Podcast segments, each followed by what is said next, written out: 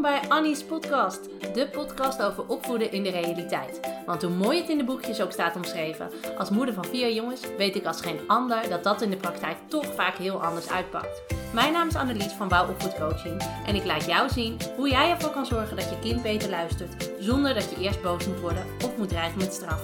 Op een nuchtere, praktische, humoristische en realistische manier.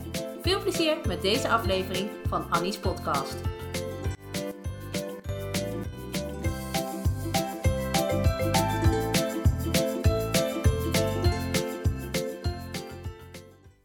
Tof dat je weer luistert naar een nieuwe aflevering van Annie's podcast. En vandaag gaan we het hebben over die momenten dat je aan het rennen, vliegen en racen bent. Je kent het allemaal. Je hebt je kinderen s ochtends vroeg naar het kinderdagverblijf gebracht. Hup, hup, hup. Gauw naar school om kind 2 weg te brengen. Dan de auto in en blij zijn. Pjoe, je hebt het weer gehaald. Je bent op tijd op je werk.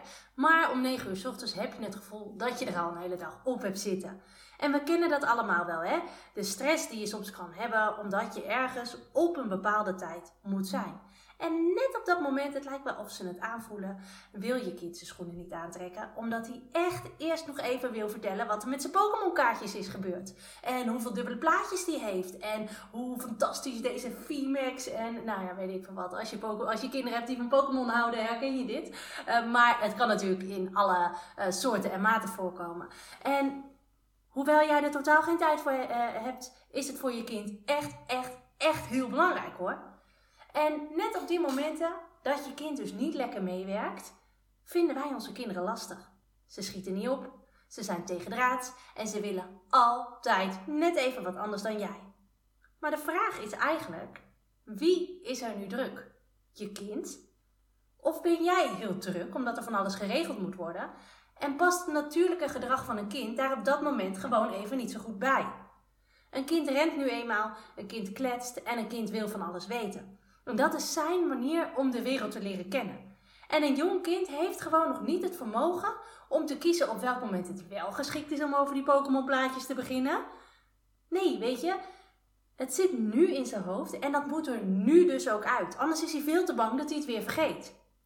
Hij kan gewoon nog niet zo goed, op, uh, niet zo goed inschatten wanneer er alle tijd is om even gezellig te kletsen of wanneer het gewoon niet lekker uitkomt. Hij heeft dat gevoel voor timing nog niet echt. Uh, laten we het daarop houden.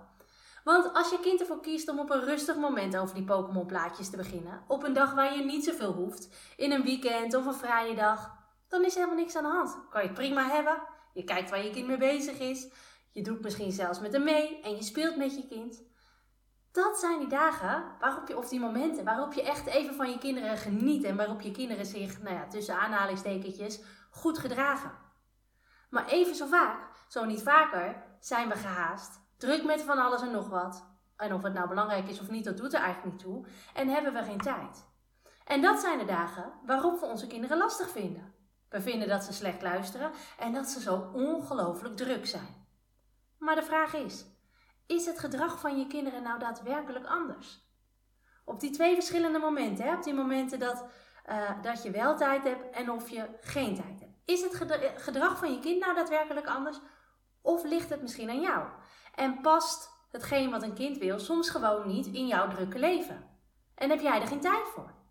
En de vraag is dan ook, ja, aan wie ligt dat dan? Wie is er nou eigenlijk te druk? En ik weet, Geloof mij, ik heb vier jongens. Ik weet dat je er niet altijd wat aan kan veranderen. Je moet op tijd op school komen, je moet werken en er moet nog een heleboel meer. Dus weet je, daar, met, met wat ik je wil vertellen, um, wil ik dat helemaal niet ontkennen.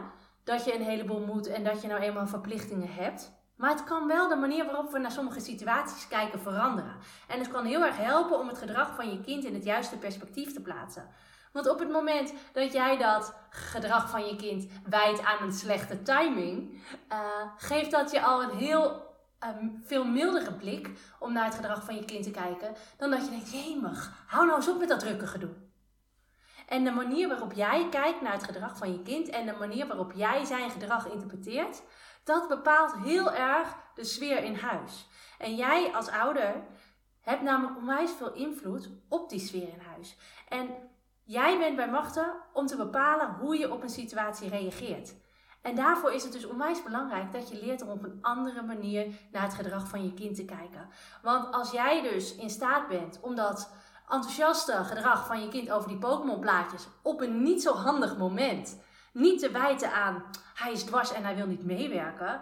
Maar als je leert inzien van hij is enthousiast en heeft alleen het goede moment niet uitgekozen. Uh, en daar is hij ook nog niet toe in staat. Want kinderen zijn impulsgedreven.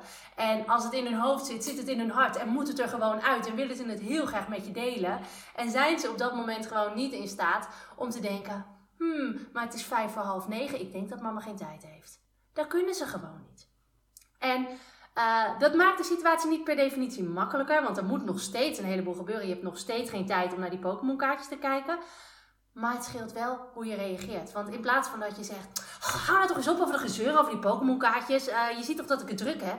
Kun je dan ook zeggen: Vanmiddag uit school wil ik heel graag even naar je kaartjes kijken, vriend. Maar nu gaan we echt even uh, opschieten.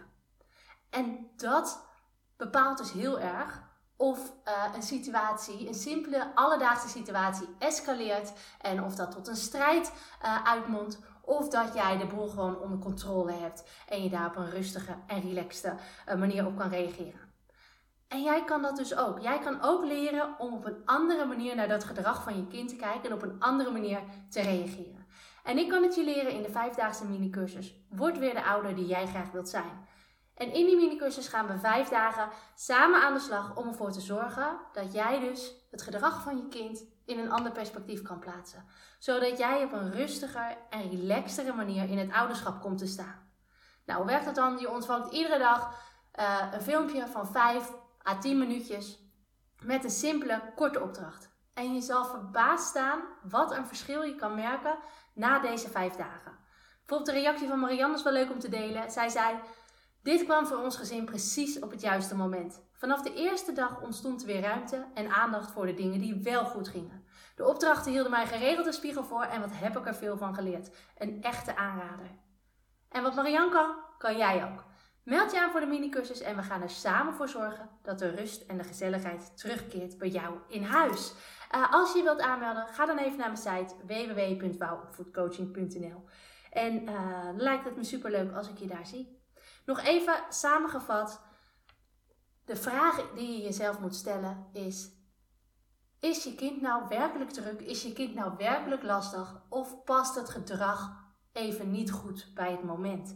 Want als we er eerlijk naar kijken, is het gedrag op moment X vaak precies hetzelfde als op moment Y. Alleen op moment X hebben we er geen tijd voor en vinden we het irritant. En op moment Y hebben we er wel tijd voor en kan het zelfs heel gezellig zijn.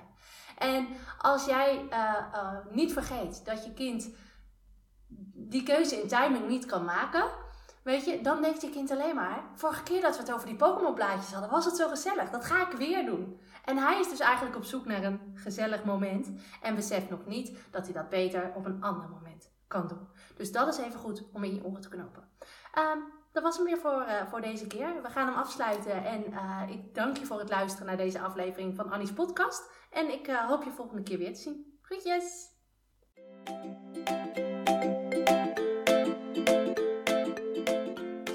Leuk dat je deze podcast hebt beluisterd. Kan je nou niet wachten tot de volgende aflevering van Annie's podcast? Ga dan naar Instagram, zoek me op via wouw-opvoedcoaching, want daar deel ik iedere dag toffe en inspirerende tips met je.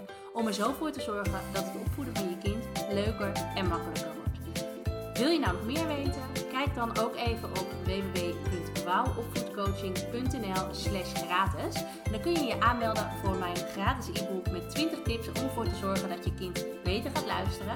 Of je kunt je alvast aanmelden voor het webinar Stop met politieagentje spelen. Allebei gratis, dus je hebt eigenlijk geen enkele reden uh, om het niet te doen. Ik zie je volgende keer bij een nieuwe aflevering van Annie's podcast.